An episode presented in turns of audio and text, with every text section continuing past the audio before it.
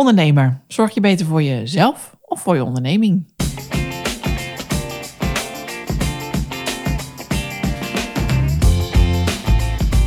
Hey, fijn dat je luistert naar de Scheidpodcast. Ik ben Carly Timmerman van Bureau Carbon, host voor gezinsvriendelijk scheiden. En ik ben Anneke de Groot, bedenker van gezinsvriendelijk scheiden en de grote vriendelijke bemoeial voor alle gezinnen. We nemen je mee in de wereld van fabels, feiten, statements en informatie als het gaat over scheidingen of uit elkaar gaan. Welkom.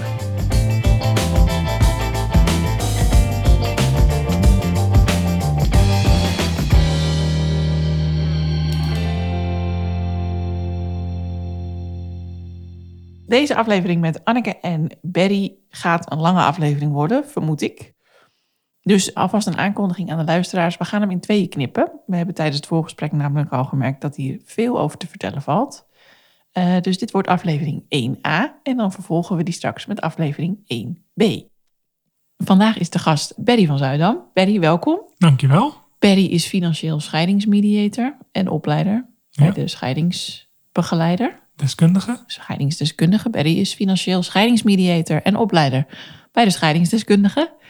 En we zitten hier met Anneke in schoolrol, in de ja. luisterkamer. Hoi Anne. Hallo. En ik ben heel blij dat Berry er is. Ik moet ja. het gewoon nog even... Ik heb denk ik nu vandaag al vier keer tegen hem gezegd. Maar ik ga het nog een keer zeggen. Ik ben gewoon heel blij. Ja, Berry, je bent natuurlijk al vaker te gast geweest in onze podcast. Dat klopt. Heb je al uh, leuke reacties daarop gehad? Ik heb hele leuke reacties erop gehad. En uh, ook wat uh, cliënten die enthousiast waren. Ja. Die hebben geluisterd. Dus nee, ik vind, het, ik vind het leuk om te doen. En het levert leuke reacties op.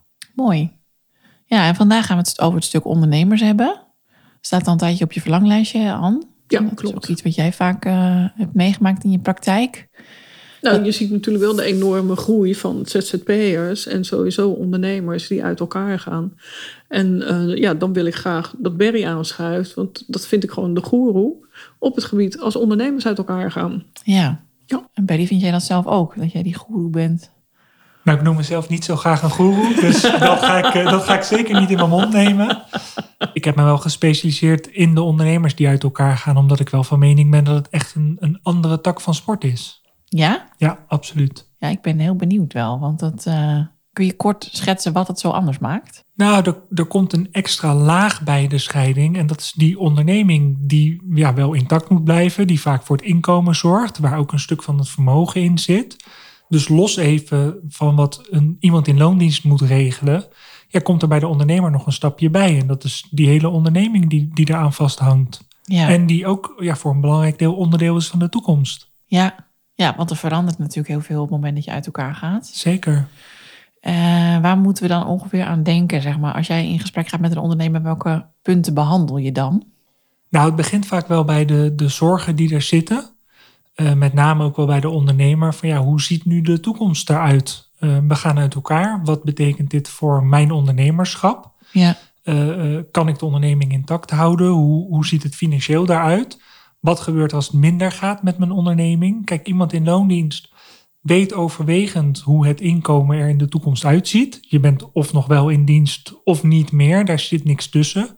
En bij een ondernemer kan het inkomen natuurlijk wel fluctueren. En je gaat vandaag afspraken maken op kennis die je vandaag hebt. Ja. Maar weet ook dat de wereld er morgen voor een groot deel anders uit kan zien. Ja. En daar, zit, daar zitten vaak wel zorgen in bij de ondernemers. En ook bij de andere en, partner, denk zeker. ik. Zeker. Ja. ja, en ook wel um, hoe, hoe, ja, wat hebben ze onderling afgesproken met elkaar. Ja. Ik merk toch nog te vaak, en dat is natuurlijk in de scheidpodcast ook wel in zijn algemeenheid teruggekomen dat mensen eigenlijk niet zulke hele goede afspraken maken. Of als er wel goede afspraken zijn gemaakt, ze niet altijd even goed naleven. En, en dat, ja, dat levert wel, ja, dat, levert, dat kan problemen opleveren. Ja. ja, wel interessant. Want heb jij ook vaak dat allebei de partners ondernemer zijn? Of is het vaker zo dat een van de twee onderneemt? Nou, het komt wel voor dat beide partners ondernemer zijn, maar meestal is het één van beide. Ja, want maakt dat nog uit? Uh, maakt dat uit? Ja, dat denk ik wel. Ik denk namelijk dat ondernemen uh, een andere dynamiek met zich meebrengt. Ook een ander soort stress, denk ik. Of in ieder geval, ja, je, je bent met, met meerdere takken bezig. Je bent niet alleen maar het werk aan het doen, wat we toch veel zien bij ZZP'ers. Ik focus me eigenlijk op de ondernemer van 0 tot 10 man personeel. Dus ook wel de ondernemer die nog echt het werk uitvoert. Mhm. Dat vind ik ook het leukst om te begeleiden. Maar dat, die is niet alleen maar bezig met het werk. Die heeft personeel die die moet begeleiden. Er moet administratie gebeuren. Er moet facturatie gebeuren. Er moet marketing gedaan worden. En, en ja, de dynamiek van het hebben van een onderneming is gewoon anders dan wanneer je in loondienst bent. Er komen andere dingen bij kijken. Ja. En heb je twee partners die ondernemen, dan, dan, dan snappen ze dat van elkaar. ja, meer wederzijds begrip kan ik me zo voorstellen, ja. Ja, ja ik zie toch te vaak dat de, de, de, de niet-ondernemende partner eigenlijk geen beeld heeft van de onderneming. En, en wat er allemaal wel en niet in gebeurt. En dan vind ik, persoonlijk vind ik dat heel raar. Ik heb wellicht wat makkelijk praten erin. Ja, ik heb mijn onderneming samen met mijn partner. Dus, dus ik heb geen kans om niet te delen wat er gebeurt. En we zitten daar samen in. Maar ik verbaas me daar wel over dat de niet-ondernemende partner vaak totaal geen idee heeft wat er gebeurt in die onderneming, hoe het ervoor staat en wat de ondernemer daarin bezighoudt. Dat, dat, ja, en, en, en dat is dus een extra dynamiek die ook in de scheiding voorbij komt. Ja, En dat zie je ook wel op het moment dat de een wel werkt en de ander niet in de relatie. Klopt? Dat de ander totaal geen beeld heeft van het inkomen van de partner. oh ja. Ja. Nee, en dat zie ik, en dat vind ik wel echt heel zorgwekkend. eh, op het moment dat je een BV hebt. Kijk, op het moment dat je een, een IB-onderneming hebt, de ZZP'er, de VOF, dat soort bedrijven. Dan is ja, je winst is eigenlijk je inkomen. Ja, Op het moment dat je een BV hebt, is dat eigenlijk een apart iemand. Dus, dus hè, dat is eigenlijk een apart rechtspersoon in, de, in, in dit geval. ja. En dan kun je bijvoorbeeld ook, op het moment dat, je privé, op het moment dat ik privéuitgaven doe, dan is dat gewoon onderdeel van de winst die ik uitgeef. Als je binnen een BV privéuitgaven doet, dan leen je eigenlijk van de BV. En ongemerkt, we praten dan over een rekening courantschuld, ongemerkt kan dat vrij hard oplopen. En ik zie toch wel heel vaak dat eh, de DGA, de directeur groot aandeelhouder, toch wel een forse rekening courantschuld heeft opgebouwd. En dat, dat is eigenlijk geld wat je dus aan het lenen bent. Je leent privé geld van de BV, maar dat geld moet wel weer een keer terugkomen. En is dat dan zo omdat zij daarvoor ZZP'er zijn geweest, overstappen naar een BV en zich niet realiseren dat dat dus niet meer kan, zo makkelijk? Mm, Dat zou deels het geval kunnen zijn. Het is ook wel vaak gemakzucht. Ja, ja. Ik heb de pinpas en eh, ehm, eh, die pinpas kan ik overal doorheen halen. Want bij de mediamarkt is er niemand aan de balie die zegt... ja meneer, dit is een, meneer of mevrouw, dit is een privéuitgave. Die moet u privé betalen. En dat kun je wel jaarlijks rechttrekken, maar dat wordt vaak niet gedaan. Want dan moet je belasting betalen. Nou, eh, dat doen we liever niet over het algemeen.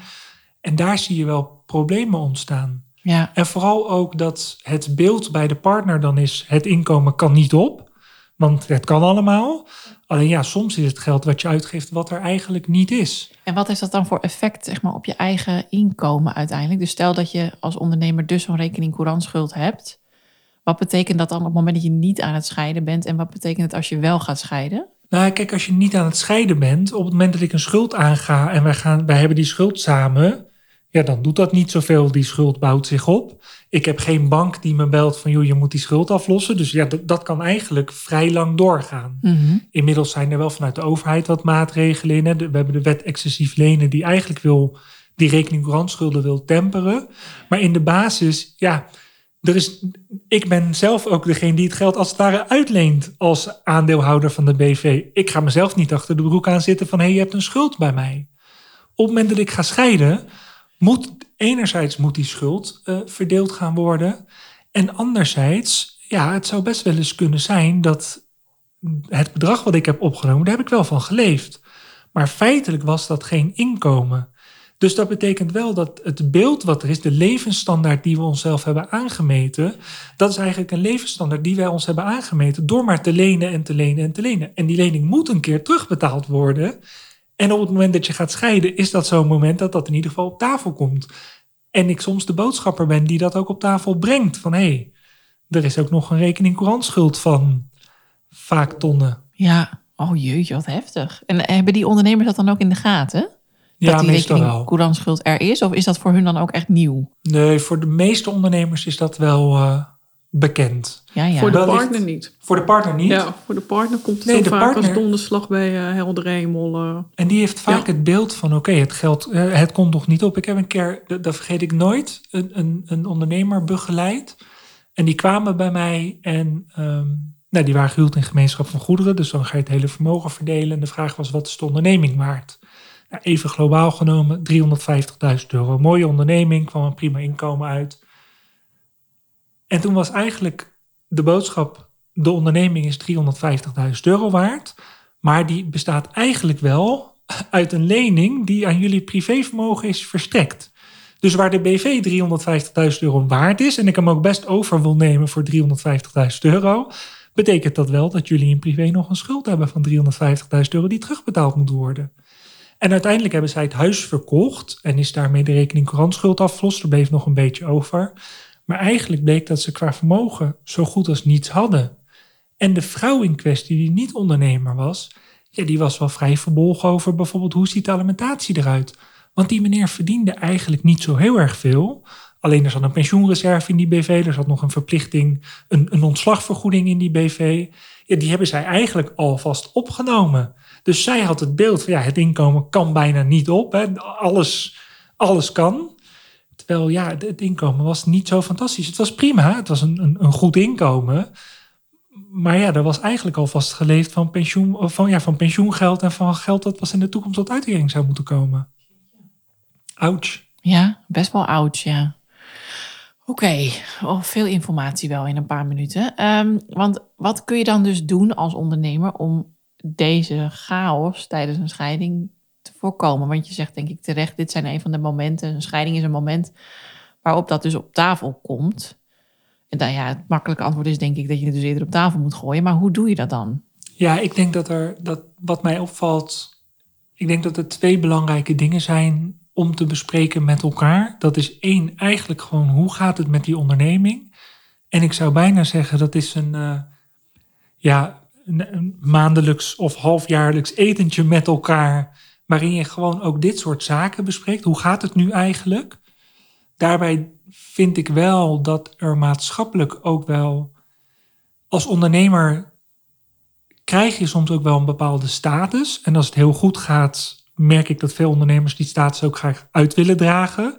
Alleen als het minder goed gaat, willen ze dat eigenlijk nog steeds. Dus het is ook een stukje gezichtsverlies. Dus je moet je kwetsbaar durven opstellen. Ja, Dus, dus dat gesprek moet gevoerd worden. En ik denk dat het heel belangrijk is dat het gesprek gevoerd wordt. Oké, wat heeft het voor impact op het gezin?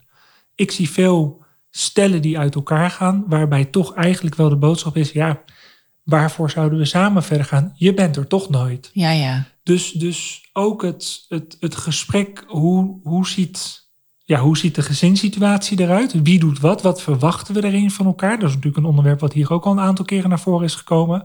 Speelt bij die ondernemers wellicht nog meer een rol. Ja, en dan komen we ook terug naar de beginvraag van zorg je dan meer voor je eigen onderneming of voor jezelf? Ik denk dat veel ondernemers eh, zorgen voor hun onderneming. En daarbij heel veel kapot maken wat ze niet ja, eh, kapot zouden willen maken. En dat gaat over een stukje gezondheid. Ja, hoe goed is het voor je om 14 uur per dag te werken? Ik denk dat dat in de basis niet gezond is. En dat kun je best voor een periode doen als het nodig is, maar dat houdt ergens op. Mhm. Dus een stukje gezondheid, eh, zelfzorg, relaties. Zowel met je partner als met je kinderen. Want ja, een, een ondernemende eh, vader of moeder die er nooit is. Ja, dat is, dat is vaak niet heel goed voor de band met kinderen. En de ondernemer heeft dan vaak het beeld: ik moet voor het gezin zorgen. Ik heb vaak het hoofdinkomen, dus daar moet ik voor zorgen.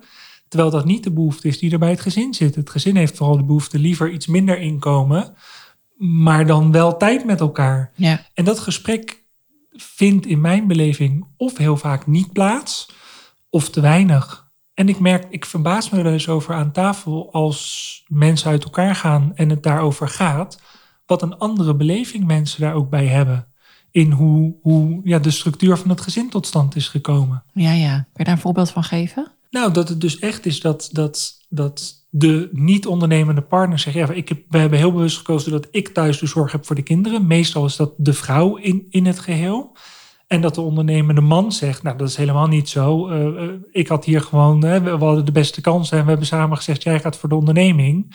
En dat het toevallig dan zo gegroeid is dat jij, jij had ook kunnen werken, maar dat was iets wat je zelf niet wilde. Ja, ja. En dan merk ik dat ze daar vaak heel ver uit elkaar zitten. En ja, daar verbaas ik me met regelmaat over. Dus in die basis is het dan, in dat basisgesprek is het eigenlijk al ontspoord dat ze allebei hun eigen invulling daaraan hebben gegeven. Nou, ze hebben hun eigen verhaal, hun eigen verwachtingen en echt hun eigen waarheid vooral. Van, maar ja, zo is het gewoon gegaan en Ja. we hebben het daar wel over gehad. Maar jij wilde ook graag thuis blijven voor de kinderen. Terwijl ik zei van, ja, maar ja, wil je toch ook niet blijven werken? En je gaat dan ook je sociale contacten missen. En nee, nee, nee. Allebei hebben ze daar een totaal andere beleving van hoe dat gesprek destijds is gegaan.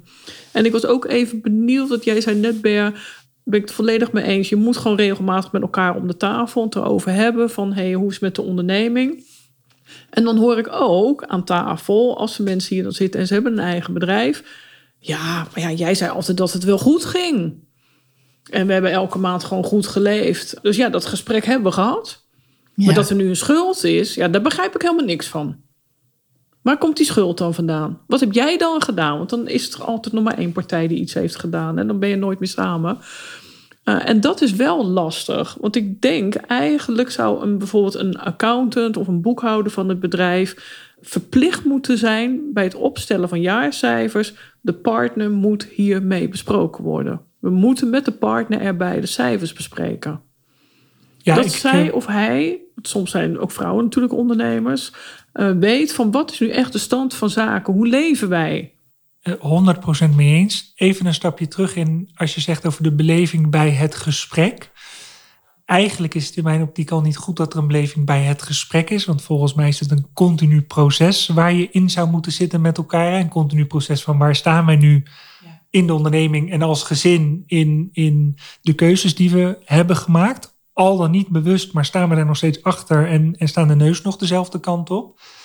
Dat is overigens wat mij betreft niet iets wat bij de ondernemer hoort, maar in zijn algemeenheid in de relatie. Wat hier natuurlijk al een aantal Bij keren besproken is. relaties, absoluut. Ja. Ik ben het eens met Anneke. Ik vind het gek dat op het moment dat er jaarcijfers gemaakt worden door een boekhouder of een accountant, dat die alleen besproken worden met de ondernemer. Ik zou inderdaad daar de, ja, bijna de plicht willen eh, oproepen aan de boekhouder en de Ja. accountant van betrek die partner erbij. Daarnaast speelt er ook wel een ander probleem en dat, gaat, dat zit een stapje daarvoor. Bij heel veel ondernemers vraag ik me af of zij zelf heel goed beeld hebben van hoe het gaat met de onderneming. Mhm.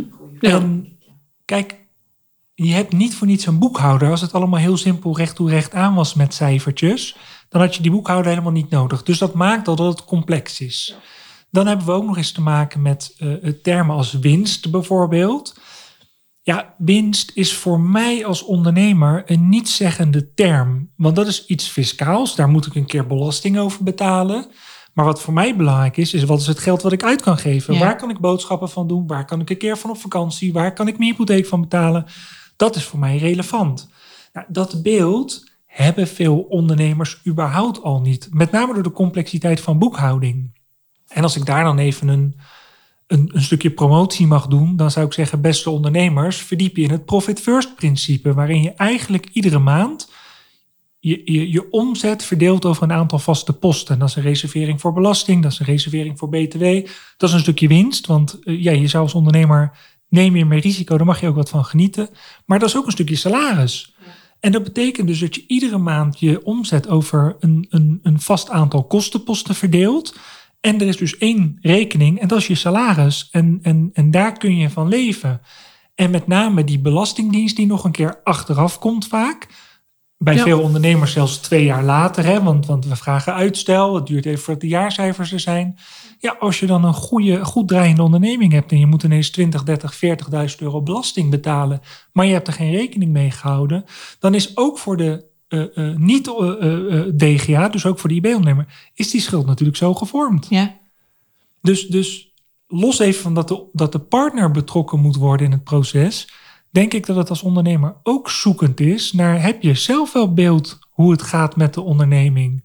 Wat is nu eigenlijk de winst die je maakt? Wat is het geld waar je echt van kan leven? Wat is eigenlijk geld van de Belastingdienst, die je nu misschien nog niet hoeft te betalen, maar die je wel een keer moet betalen? Ja, zeker. Ja, ik merk dat zelf, als ik even mezelf als voorbeeld mag nemen. Ik ben ondernemer en ik vind boekhouden best wel leuk, maar ook heel moeilijk. Dus ik heb een boekhouder gelukkig die mij dus helpt met dit soort dingen. Want ik raak al verdwaald op het moment dat ik het woord grootboekrekening hoor. Ik denk, wat is dit? en dat is volgens mij bij heel veel mensen aan de hand. En ik vraag ook elk jaar bij mijn boekhouder: wil je eventjes nu een uurtje met mij gaan zitten en me uitleggen wat ik hier nu lees? Want ik snap het niet. Weet je, er staan balans en posten en dingen. Ik, ja, ik, ik heb het overzicht niet. Dat is voor jou natuurlijk heel anders, denk ik. En voor Anneke mogelijk ook. Maar Ik ben ooit begonnen op een boekhouding. nou, hier kan je nagaan. Maar het is wel zo. En het is super lastig. En ik wil het ook gewoon graag thuis kunnen uitleggen aan mijn vriend. Van, goh, nou, dit zijn de jaarcijfers. En dit betekenen ze. Want dat is volgens mij de vraag achter de vraag. En dat is dus de reden waarom ik echt een voorstander ben van het Profit First principe. Daar werk ik al jaren mee. Als ik ondernemers aan tafel heb die vastlopen op dit soort dingen, wijs ik ze daar ook op. Wat het namelijk doet, is het verdeelt je omzet. En als er 50.000 euro op de rekening staat, dan geeft het niet het beeld dat je 50.000 euro kan uitgeven. Dan weet je dat van die 50.000 euro er 20.000 euro op een belastingrekening staat. Dat is dus geld dat je wel hebt, maar waarvan je weet dat moet je eigenlijk nog een keer betalen. Eh, geld dat op de btw-rekening staat, ja, is geld dat je wel hebt, maar wat je nog een keer moet betalen. En, en, en er is dan een kostenrekening. Oké, hier kan ik mijn kosten van betalen. Dat betekent dus dat als ik nu een nieuwe laptop nodig heb en dat geld is er niet, dan kan ik die nieuwe laptop dus niet kopen. En op de salarisrekening staat gewoon mijn salaris. Overigens denk ik dat het voor veel ondernemers ook een valkuil is om maar de maandelijkse winst als salaris te gebruiken. Ik kies er heel bewust voor om maandelijks een vast bedrag over te maken naar de privérekening. Dat betekent dat in de zomermaanden bijvoorbeeld, dan wordt er weinig verdiend. Hè? Want dan, dan, ja, dan ligt het stil, dan zijn we ook vrij. Ja, dan weet ik dat er ook geld op staat om mijn salaris over te maken. Terwijl als je iedere maand leeft naar wat er binnenkomt. Ja, Het gaat met ups en downs. Het, het gaat jaarlijks met ups en downs, maar het gaat ook maandelijks met ups en downs. ja, En door daar structuur in te vinden, kun je voor jezelf ook veel meer het beeld creëren. Hoe gaat het nu eigenlijk? ja. Ja, goede tip. En hoe komen ze dan over, aan die informatie over Profit First? Is dat een boek? Is het een Ja, cursus? je kan een boek. het Er is een, het is een Amerikaans boek. Dus je moet wel op het moment dat je het boek gaat kopen voorbereid zijn op eh, Amerikaanse taferelen. Fijn, ja. Het is, maar het is vertaald naar het Nederlands. Dus, dus het is wel Nederlands leesbaar. Maar het, ja, het wordt wel op een Amerikaanse manier gebracht. Maar de gedachte erachter, ja, daar ben, daar ben ik enorm voorstander van. En er zijn ook coaches volgens mij inmiddels, dus boekhouders die ook werken via dat, dat principe. Oh ja. Dat doen ze, onze boekhouder niet, maar, maar dat is prima. Maar daar kun je wel, dat kan wel helpend zijn. En ik denk dat heel veel, met name wat kleine ondernemers, niet zozeer ondernemer worden omdat ze ondernemer zijn, maar omdat ze ergens heel goed in zijn. ja, In hun vak, maar niet in het marketing, niet in de boekhouding. Niet, niet, nee, ze zijn goed in hun vak en kiezen daarvoor voor het ondernemerschap. ja. Ja, oké. Dus we hebben dan eigenlijk op het lijstje, als je goed voor jezelf wil zorgen als ondernemer, zorg dat je je eigen boekhouding begrijpt en die kan uitleggen aan je partner. Zorg dat je goed voor jezelf zorgt, dus voor je lijf en voor je hoofd. Zeker.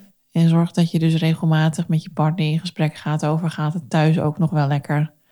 Want misschien ben ik wel een beetje veel aan het werken. En hoe vind je dat nu eigenlijk? Ja, zeker die ondernemer die iets doet waar die heel goed in is, dat vinden ze vaak ook leuk. Ja. Dat, dat hangt vaak aan elkaar. Ja, dan ga, je er, ja, dan ga je er heel makkelijk in op natuurlijk. ja, En ik denk dat het goed voor jezelf zorgen, eh, eh, gezonde voeding, sporten, voldoende slaap. Eigenlijk is dat bijna onmis. Dat hoort bijna bij het ondernemerschap wat mij betreft. En ik merk zelf ook als het heel druk is, schieten dat soort dingen snel daarbij in. ja, Maar dan moet je wel weer even scherp worden in, hey, als ik goed voor mezelf zorg, heeft dat ook uitstraling naar mijn ondernemerschap, naar mijn onderneming, naar mijn partner, naar mijn kinderen. ja, Dus eh, eh, vanuit dat stukje denk ik dat het zeker heel belangrijk is. ja. En ik denk zeker in het begin, en dat hoor je dan, want ik voor mezelf heb ik wel een hele duidelijke scheidslijn tussen een ZZP'er of een ondernemer. Ja, wat is die scheidslijn dan? Eh, de ZZP'er vind ik toch vaak iemand die toch een soort dienstverband heeft. Als ik kijk bijvoorbeeld naar de postbezorgers, dat zijn allemaal ZZP'ers. En ik zeg ze hebben een verkapt dienstverband. Ja, maar ik ben ook ZZP'er, Ann. Vind je ook dat ik een uh, verkapt dienstverband heb? Eh, nee, omdat je ook meerdere opdrachtgevers hebt. En omdat jij ook meerdere takken van sport bedient. Oké. Ja, dus Dat zit het meer in de verschillende opdrachtgevers. Want ik ben ook ZZP'er.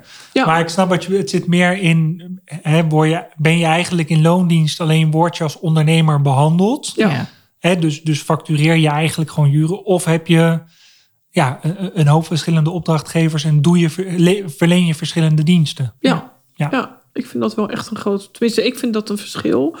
En ik wil ook, wat jij noemde net een heel mooi rijtje op. Hè? En ik dacht, daar moet ook wel bij dat je inzicht hebt. En ik weet, voor mij was het heel belangrijk. Gelijk in het begin heb ik gewoon een Excel gemaakt. Oké, deze factuur ga ik versturen.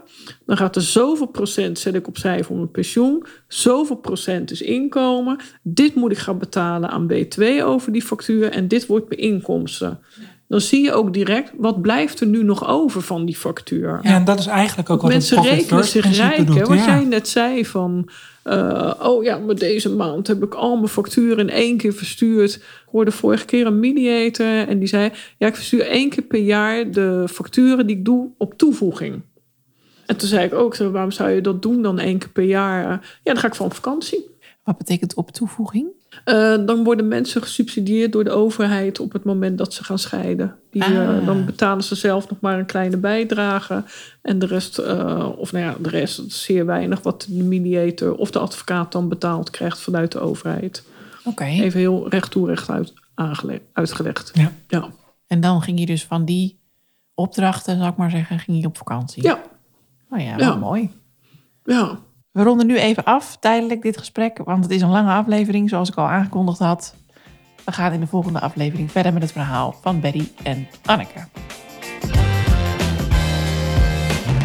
Fijn dat je hebt geluisterd.